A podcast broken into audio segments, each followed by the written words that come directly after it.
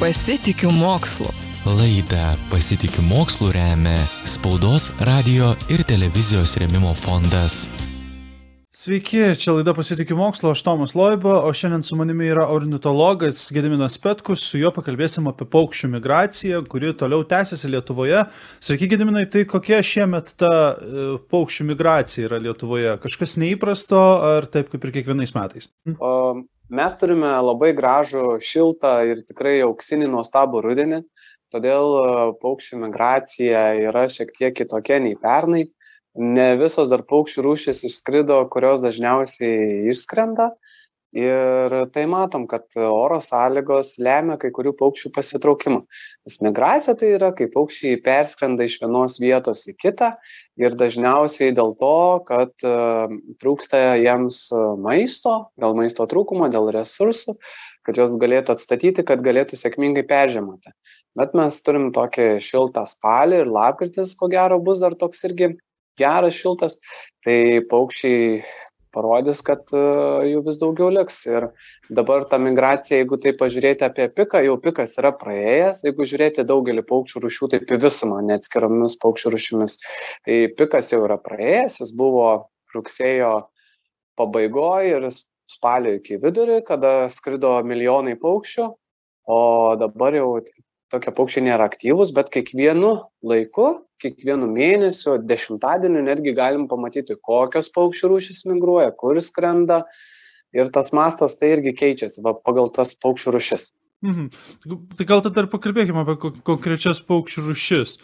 E, iki, iki dabar jau būna išskridę, pa, nu, tarkim, elementarus pavyzdys, kurį visi žmonės turbūt žino, paukštį ir labai mėgsta ir jie migruoja daug ir toli gana, tai gandrai, ar ne?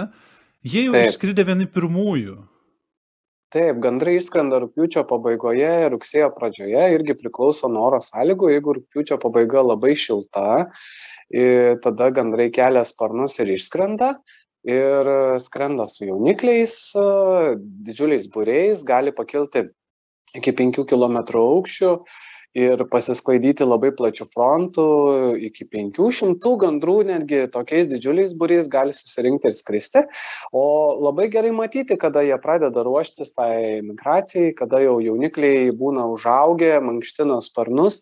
Ir įdomu tai, kad e, ne visiems pavyksta paukščiams pas- pasiekti žemavietės, net jaunikliai kai kurie ne visada išmoksta gaudyti karšto oro sroves, kas būtina jiems jų kelionėms.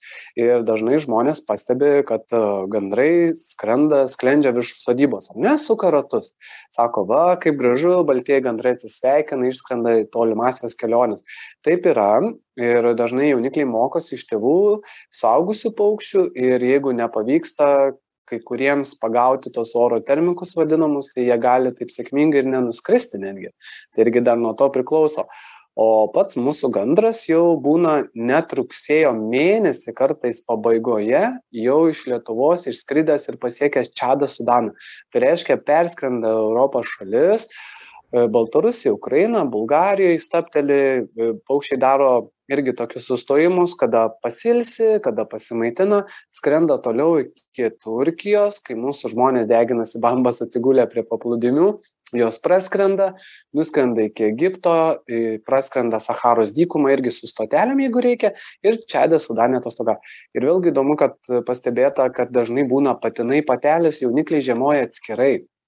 Ne taip, kaip, sakykime, pilkosios gerbės, ar ne, kurios dabar jų yra padaugėję, išbrauktos iš raudonosios knygos mūsų gervės, e, šiek tiek kitaip. Jos skrenda į Vokietiją ir jeigu žiema gera, jos ir pasilieka. Jeigu kartais iškrenta daug sniego, sunkiau maisto rasti, jos skrenda į Ispaniją.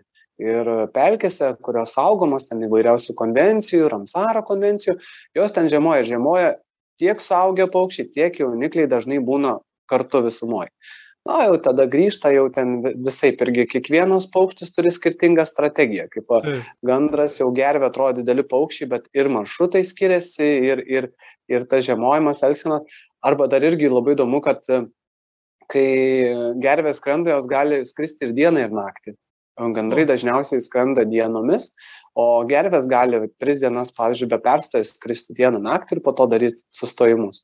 Gandrai, taip manoma ir žiūrima, kad maždaug nuskrenda per 40 dienų į, se- į Afrikos žemyną, e, gervės ten kelios savaitės gali būti, bet irgi, sakau, čia priklauso nuo viskas, kur, koks tikslas pagrindinis, kokios oro sąlygos. Bet jie O kada?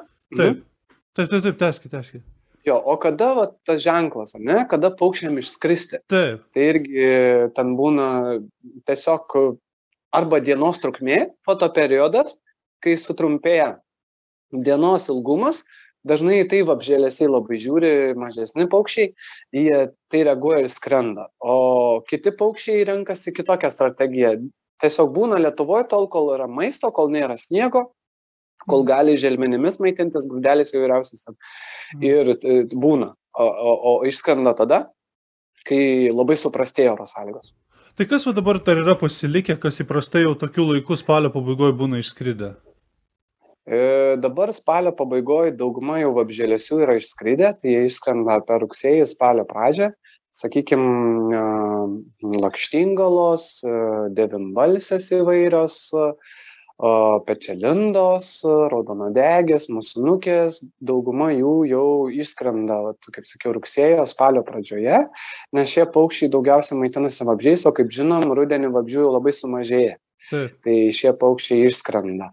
Um, tai dabar spalio pabaigoje mes matom ir nuo spalio vidurio uh, tokią aktyvumą, uh, kada gervės skrenda aktyviai, ypač vat, vidury skrido uh, didžiuliai pulkai, uh, laukuose pilkųjų gervių su jaunikliais, žasis skrenda ir didmešių gyventojai, jeigu pakelia galvas aukštai, gali pamatyti arba netgi pirmiau išgirsti kaip skrenda žąsis. Skrenda irgi virtinėmis, skrenda dažniausiai linija, V forma, vėlgi, kodėl paukščiai taip daro. Ne, atrodytų, čia vieni paukščiai, bet kaip skrenda, tiesiog išsimėtę, kiti kažkokią turi sistemą. Tai e, dideli paukščiai, kurie skrenda ar tiek tolimus atstumus, kartais ir netokius, sakykime, labai tolimus atstumus, dažnai jie kai kurie skrenda vat, būtent todėl taip, kad taupytų savo vėlgi energiją, e, kalorijas taupytų savo kūnu, nes e, viens paukštis kitam užstoja vėją ir tai paprasčiau skristi yra. Mhm. Pirmam paukščiui, vedančiam paukščiui, kurį dažnai vadinam vedliu, jam sunkiausia, jisai pavarksta, jisai skrenda atgal, net gal tiesiog pasimaino su kitu paukščiu, kuris užima jo vietą ir jis jau rodo kelią. O labai įdomu irgi pastebėti, kai vat, skrenda žąsis, vakarais jos leidžiasi į laukus arba į didelius vandens telkinius, tai matosi pirmieji žvalgų bureliai atskrenda, jie apsižiūri, ar viskas yra saugu, ar nėra plėšrūnų, ar nėra žmonių, šalia nėra pavojų, tada žvalgai nutupia, jie akustiškai bendrauja, akustiškai perdoda savo balsu e, kitiem paukščiams, kad jie gali leistis. Ir Mhm. prasideda, tada leidžiasi jau šimtai, kol pasiekia kartais tūkstančių didžiulius pulkus, irgi akustiškai bendrauja. Ir tada matosi va tas išskridimas, jie per naktį, kai jie nakvoja, arba gali net savaitę laikytis tam tikroj pievoje, jeigu daug maisto yra, keletą dienų. Irgi, kada jau įskrenda iš to lauko, tai matosi paukščiai bendrauja. Nėra taip, kad, nu, skrendam ir viskas, čia kažkaip Mhm, skrendam, va kažkas po... Bet jau pradeda šnekėti, va, vienas, antras, trečias, skrenda vienas, trečias, ir tada visi iš paskos ir keliauja. Tai toks irgi tas įdomus procesas. Toks, Nu, tai jiems tiek reikia kaip komandai susitart. Taip, taip, jo, susitarti, kada pradėti, Taip. kada išskristi yra žvalgai. O nuo ko Yra nusprendžia, ten- kas bus vedlys, pavyzdžiui, pats pirmas, kaip jie tą nusprendžia, neaišku, tiesiog kažkas, kas stipresnis, kas... Jo, sunku pasakyti, kas čia yra, ar čia kažkokia čia patinas ar patelė. Aha. Mm, Nepasakysiu, aš tikrai neatsakysiu šito klausimą, ar ten saugęs koks paukštis. Tai, Nes vėlgi labai įdomu, daugelis žmonių galvoja, kad um, kaip tie paukščiai migruoja, ne? Vėlgi, ka- kaip jie supranta, kur reikia skristi, kada, ne? Nu, kada mes jau kaip ir kalbėjom. Dienos trukmė, pasižiūrė, taip. e, oro sąlygos jau. Jo, kaip ir aišku, bet kaip reikia, ne? Kaip nepasiklysti, ar pirmi, pavyzdžiui, jaunikliai skrenda, ar pirmi suaugę, o gal kartu skrenda. Tai vėlgi priklauso nuo paukščių. Tarkim, gegutės, jos a, pirmiausia išskrenda suaugę paukščiai, ar ne? Gegutė kaip ir viskas aišku, nes gegutė savo lizdo neturi, jinai virš 20 kiaušinių padeda skirtingų paukščių lizduose ir skirtingi paukščiai užaugina jų jauniklius. Ten gegučiukai išmeta jauniklius anksčiau laiko, nes jų ten nugara šaukštelio formos, daug receptorių ant jos u- jaučia tos kiaušinius jauniklius kitus iš ir juos užaugina. Tai vad suaugę pirmieji išskrenda, išskrenda dieną naktį. O jaunikliai po to, nu tai va, kaip tada tas jaunikliai, žinai, jeigu tėvai neparodo. Nu, tai manoma, kad ir, nu nemanoma, bet yra ištirta, kad daugelis paukščių jaučia magnetinį lauką. Yra daug eksperimentų atlikta su tiesiog ma, magnetiniam lasdelėm, kai yra pritvirtinta paukščių prie nugaros ir jisai pameta kryptį, jis nebežino, kur grįžti, tiesiog pasimeta. Arba didžiuliame angare paleidžia paukštį su magnetiniam lasdelėm, jisai skrenda bet kur. O be lasdelės jis skrenda link pietų, nors yra angaras, nesimato nei šviesų, nieko uždara, ar ten dirbtinės šviesos. Tai va taip mokslininkai išsiaiškina, kad yra tokie mechanizmai. Kiti ten jaučiama e, pagal saulės laidą, pagal dangaus kūnus naktį.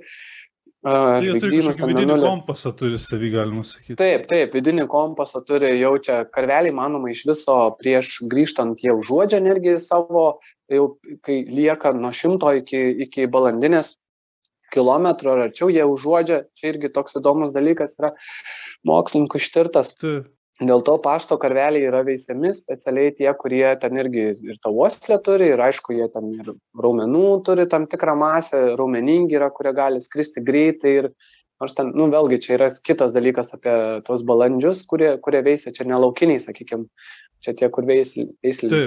O, o, o dabar, sakykime, gerai, nu tai va su gegutė išaiškinom. O kaip čia dabar tada būtų su varnėnais? Aha. Mhm. Tai vad varnėnai irgi. Tai... Jo, jo, jo, varnėnai irgi įdomus, kalbant apie migraciją apskritai paukščiai, kad jie iš vis patys pirmieji išskrenda iš Lietuvos. Varnėnai realiai net lietuviškų vyšnių neparagauja, nes jie išskrenda birželio pradžioje ir skrenda į Didžiąją Britaniją. Ir uh, jie jau išskrenda labai greitai, bet pas mus atskrenda varnėnai iš šiaurės šiaurės europos iš sibiro taigos skandinavų dalis atskrenda. Ir šiuo metu žmonės mato vat ant laidų tupinčius varnėnus labai jų daug tokie kaip karoliukai sutūpę ar dar skraido ir jie netgi galbūt žiemą pasiliks jeigu bus klimatas toks vėl šiltas ir žiema nebus šalta. Tai varnėnai kaip jie skrenda tai jie irgi jau skrenda e, jau jie praktiškai jaunikliai pirmi išskrenda dar tėvai pabūna ir po to tik tėvai. Tai nu čia sakau jau atvirkščiai nei gegutės modelis o gervės kartu skrenda. Tai va čia kiekvienas paukštis, kiekviena rušis skirtingas. Tai net ir iš skirtingas vietasgi irgi skrenda. Kodėl gandrai taip toli? Aš manau, kad... Jie toliausiai, va, ne, gandrai niekas taip toli neskrenda nuo Lietuvos kaip gandrai. Uh, skrenda už juos toliau šiek tiek krekždės ir čiuliai, juodieji, bet, nu kaip, sakykime, gandrai skrenda iki pusiaujo Afrikoje, jeigu žiūrėti, ar ne? Laikosi daugiau e, rytinėje Afrikos dalyje, tai per viduriukai, taip žiūrėtume, maždaug grubiai. E, kai kurie nuskrenda ne tik į Pietų Afrikos, bet čia daugiau būna išimtis, o vat e, krekždės, jos skrenda ne tik į Pietų Afrikos, judėjai čiurliai, čiurliai iš viso jie skrenda dieną naktį, jie nuo 7 iki 10 mėnesių apskritai skrenda, niekur nenutūpdami. Jie ir miega skraidydami, ir paukštis, kuris uh, ten kaip sakau, nu, supergalių turintis, aš kaip saugusiam pasakoju vaikam. Jo, švedų mokslininkai ištyrė, išdėjo ten jiems tokius e, telemetriškai tokius kaip sistuvėlius, jie grįžo ir nusėmė tuos rezultatus, pamatė, kad šie paukščiai gali taip ilgai skraidyti. Mokslininkai galvoja anksčiau, kad tokie ištvermingi, bet kad tokie nieks netikėjo. Tai, nu, parodo, kokios paukščių rūšys gali stiprios. O jie niekada netopi, jie peri tik aukštai, pastogėse, inkiluose, dažnai būna po varnėnų peri, nes jie pasirodo gan vėlai Lietuvoje, pavasario pačioj pabaigoje arba vasaros pradžioj. O išskrenda jau su rugsėjo pirmąją arba su rugsėjo pirmąją savaitę.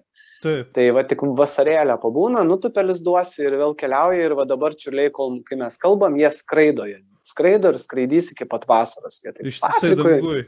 Ištisai dangui, taip. Tai va, neįtikėtina, aš sakau. Bet, tai, bet jie taip turi labai prieš tai labai daug privalgyt ar kaip? Ar, ar tiesiog... E, būtent jie per dieną čiurlys tiek rekdžias gali apie 10 tūkstančių vabžių pagauti. Tai jeigu sudėtum jas gautum stiklinė. Ore. Ir čiurlių lizdas toks prastas ganėtinai, nes ką tu ore ten rasi, ten nu, kokį šapaliuką pakels, ten kokį plunksnelę kaimą, gal ten kažkoks vėjas pakels, tai jau lizdas toks prastas yra. Aha. Ne, ne, ne toks kaip kitų, kurie tupia, kurie gali daugiau lizdinės medžiagos atnešti. Tai va tokie paukščiai, trumpos kojos, priekiniai pirštai priekį atkišti, sparnai pjauto formos, ilgi, jie negali atsispirti, pakilti. Ir natūraliai, jeigu čiurlys jauniklis koks atsitrenkia arba nutupia, jam praktiškai amens, kaip sakau, jeigu niekas nepadės, tai nelabai jisai ir pakils, sunkiai pakyla, labai retai, kada jie pakyla patys nuo žemės. Dar kitas įdomus paukštis, kuris aš pastebėjau vis dažniau e, lieka žiemot Lietuvoje ir čia prieš gal kokius metus, du žiemą įžiemojus Mhm. aš suskaičiavau ant ežero gal 27 gulbės. Bet žiema buvo, atsimenu, sausis. Vis dažniau Lietuvoje lieka žiemot gulbės, ar ne? A, taip, jau jos taip ir daugiau lieka žiemoti ir jom nesunku tai daryti, kur neužšala vandens telkiniai, tai ypač nemune, neryje, jeigu nešalta žiema, neužtraukia ledas upių didžiųjų, jos ten žiemoja, bet ne visos. Normaliai mūsų gulbės skrenda žiemoti į Baltijos jūrą, prie Vokietijos e, pakrančių, tiesiog jūroje, Danijos irgi taip pat šalies. Ir šie paukščiai maitinasi dumbliais. Šiaip paukštis augalais maitinasi, ten nėra, ten žuvų praktiškai negaudo, nebent, nu, ten kažkokį mailiuką netyčia pagautų, bet Taip. ar kokį vabzdį, bet įprastas tai augalai. E, Dumbliai, augalai šio paukščio. Ir lieka, ir, ir žmonės kartais susirūpinę, ką daryti, pamatę gulbės, ar čia pergyventi. Tai nieko nereiktų daryti, tiesiog nemaitinti jų ir leisti jom pačiom išskristi. Jos pasitrauks šaly į tas upes, kurios neužšalusios ir miestuose nereikia jų gelbėti ten. O jeigu jau upių didžiųjų krantai užšala ir ten negali jos pasiekti su kaklais pakišusios tų to maisto, tada reikia padėti. O taip apskritai nereikia. Paukščiai, jų kraujas kitoks nei žmonių, gali jie žiemą būti ir tos gulbės joms su plaukmenim ant kojom, ne? Tu ant ledo žmogų pasodintum dabar nuogu, Taip. užpakaliu ilgai neišsėdėtų. Arba, arba pėdom nuogom netgi pereiti. jo, Taip, jo, o tai gulbė, jinai tupi, jinai kasėjai. Jei plunksnos ir tas kraujas yra ten nešaltai. Bet kiek yra, ki- kiek yra iš viso tiesos tame turbūt daug, kad jeigu maitinami paukščiai neišskrenda. Uh, yra įtakos šiek tiek. Jeigu anksti mes pradedam nuo lesyklose lesinti paukščius, dalis paukščių pasilieka tų tokių, kurie, sakykime, prie tos lesyklos buvo ir praskrido. Um, taip, tai vat, mes, jeigu tokią įtaką galim padaryti, bet uh, labai tas oras daro įtaką ir, nu tikrai, vat, dabar yra priskaičiuojama, kad Lietuvoje žiemoja 222 paukščių rūšys. Vat taip maždaug yra suskaičiuota, Lietuvoje registruota 404 paukščių rūšis, Tai bet čia apskritai, koks pras, praskrido nematytas paukštis vieną kartą ir jį užfiksavo ir jau rūšis. Taip. Bet taip žiemoja virš 222, peri apie 250 taip maždaug, sakykime. Čia tai, tai skaičiais, kad labai nevarijuot, bet, nu, nemažai žiemoja. Tai įsivaizduot, taip. virš 200 paukščių Truputį rūšių tai yra labai daug. Nu taip, truputį daugiau negu pusė. Taip, ir va, jeigu dėl įdomumo pasakysiu, 2000 metais buvo kažkur virš 105 rūšis, tai panašiai, e, ne, ne virš, e, apie 170 rūšių, bet vat labai po to, kadangi tas klimatas šiltėja, ne, yra ta klimato kaita, labai jaučiasi. Kiekvienais metais vis daugiau žiemoja paukščių rūšių.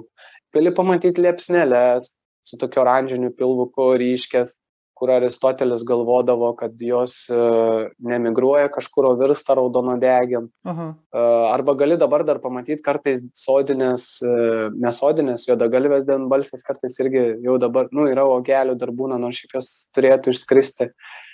Šiaip apie tą migraciją ten žmonės irgi vėlgi galvodavo visokių keistų dalykų, kad krekždė žiemoja po ledu. Mhm. Tai irgi, nors ten pats pirmasis normaliai apie migraciją pradėjo kalbėti ir tokias, nu, hipotezės keltą Aristotelis, jisai ten jau turėjo minčių, kad gervės išskrenda toli, e, kad kai kurie skrenda paukščiai kalnus, ten aukštyn žemyn vyksta migracija. Čia būna kartais irgi taip. A, Bet turėjo tokių, vat, ir, nu, pafantazuodavo žmonės, irgi nežinodami, sakydavo, kad virsta vieni paukščiai kitais, arba, pavyzdžiui, gegutė pasivirsta paukščionagiu, e, ar kaip va, ta devinbalsė pavirsta kita devinbalsė, nu, žodžiu, va, tokių visokių yra. Bet iš to, ką jūs papasakojot, tai yra tokių dalykų, kur, nu, realybė atrodo gana stebuklingai. Jų žiemojimo, jų skridimo porom, Taip. miegant skristi, ta prasme, arba skridimo kažkur į Afriką. Kaip paskui supranta, kad reikia jau grįžti atgal? Ir nori grįžti? Vėl tas biologinis Vėl- laikrodis vėlgi tas yra labai geras. ne? Nu, tai jo, aš manau, kad čia tiesiog biologinis laikrodis yra labai stiprus, vėlgi po tam tikro laiko, arba ten irgi oro sąlygos, arba, nu, neaišku, aišku, ten, kad vėlgi dienos trukmė ir jie jaučia, kada grįžt. Dažniausiai patinai grįžta pirmieji ir jau kai grįžinėja paukščiai atgal, tai dauguma rušių būna lenktynės, kuris pirmas grįž į savo teritoriją, užims ją. Jeigu į Afriką arba į pietus vakarų šalis, sakykime, dauguma paukščių, kur skrenda, skrenda visi kartu ar net, nėra tokių varžybų, tai kai grįžta prasideda varžybos kas mm. greičiau sugrįž, kas teritoriją kokią atkovos, ar ten vilioja smulkiai gesmininkai balsais. Didėjai, pavyzdžiui, gandrai tai irgi grįžta, pasitvarko ten lizdus, laukia patelės, patelės grįžta į tą patį lizdą, nors jie žiemoja atskirai, bet va grįžta į lizdą tą patį, prie lizdo labiau prisirišę daugiau irgi tik jie. O jaunikliai jau kol tris metus sulauks, jau po trijų metų, tai jie gali turėti, lytiškai būna subrendę gandrų gervių. Tai vat sakau taip visiem tokios sistemos vat įdomu kad negali taikyt o kiekvienai rūšiai yra atskira sistema. Vat pempės mūsų dabar jeigu bus e, tokie orai tai jos gali būt beveik net iki žiemos. Jau visą lapkritį prabūt jau prasti bus orai pasitrauks. Arba paukščiai kai grįžta atgal ane į lietuvą tai gali būti netgi ta atgalinė tokia migracija tokia įdomi kad grįžta tarkim vieversiai iš ispanijos pargrįžta ir e, staiga ar ten pempės grįžta, ne, irgi vienas iš pirmųjų pempės vieversiai. Ir, nu, oras pasikeičia, ne, iškrenta sniegas, va, atšalo pavasarį, tai paukščiai jie nelieka, jie grįžta vėl link Lenkijos, paskrenda link pietų, po to pagerėjo orai vėl grįžta. Tai hmm. jie yra tokie mokantis greit pasitraukti, yra tokia nu, greit reaguojanti situacija. Bet daug ir iš vis nebegrįžta. Nu, tai būna. Labai daug žūsta jų pakeliu ar Ar ten? Nu, žūsta smulkiai paukščiai, tai sako, va, zylės gyvena 3-4 metus. Tai va, dažnai tie paukščiai, kurie turi daug palikonių, jie mažai ir išgyvena. Tas pačios antis, kurios ten 12-15 kiaušinių turi, irgi ne visas išgyvens, daug plėšrūnų nusineš, ančiukus lydekos, ar ten varnos kokios gali plėšrus paukščiai, lapė kokią nusinešti. Ten, nu, tiesiog plėšrūnų tiek daug mažiem paukščiam ta atsitrenkimai, katės didelį įtaką turi. Tai nu, tiesiog daug jų ir atsisijoja, taip ir lieka. Bet turiu omeny, migruojant. Migruojant irgi pasitaiko ir ten ir pašaudo juos e, kai kur ir, ir, ir būna Maltai, pavyzdžiui, kokioj ten ir pabrakonieriauja, tai pačioj Prancūzijoje strazdus gaudo taip, kad e, po akmenimis, e, akmen, akmenys yra pakeliami su pagaliukais specialiai taip ir pridedama maisto, strazdas, tarkim, jeigu jisai ten atskrenda pasimaitinti, už, užkliūna už to pagaliuko ir akmuo jį prispaudžia. Arba ten pagauna kokias sodinės denbalsės, kurios be proto gražiai ten čiulba ir paukštis gražus.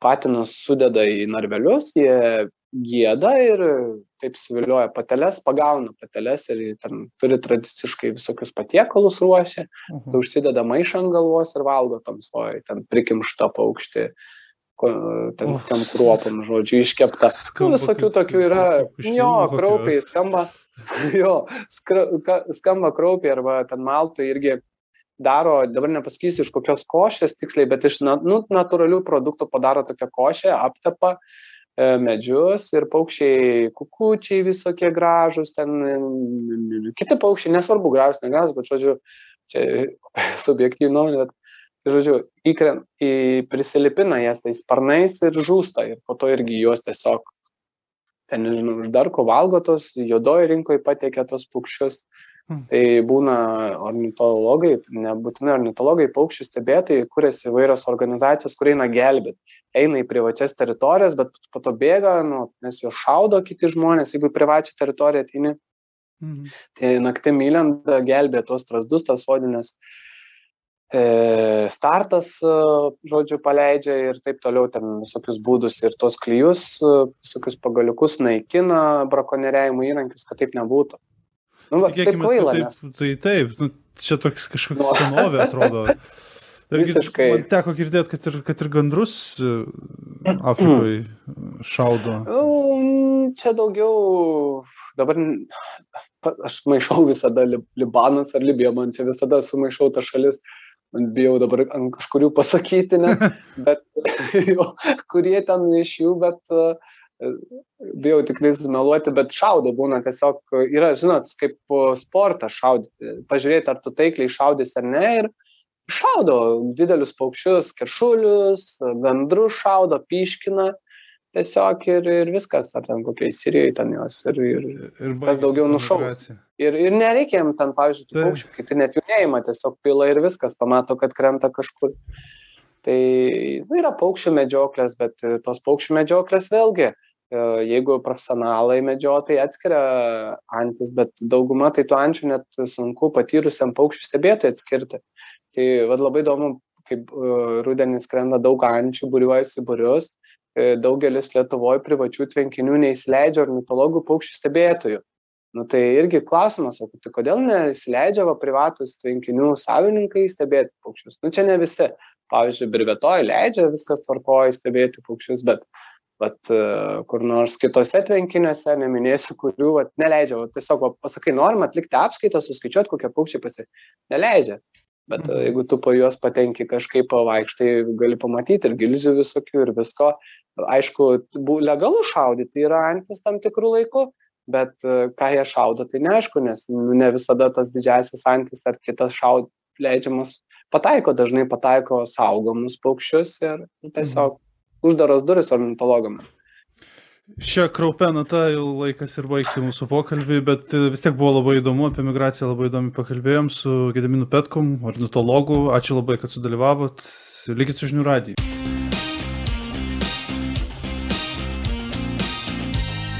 Pasitikiu mokslu. Laidą Pasitikiu mokslu remia Spaudos, radio ir televizijos remimo fondas.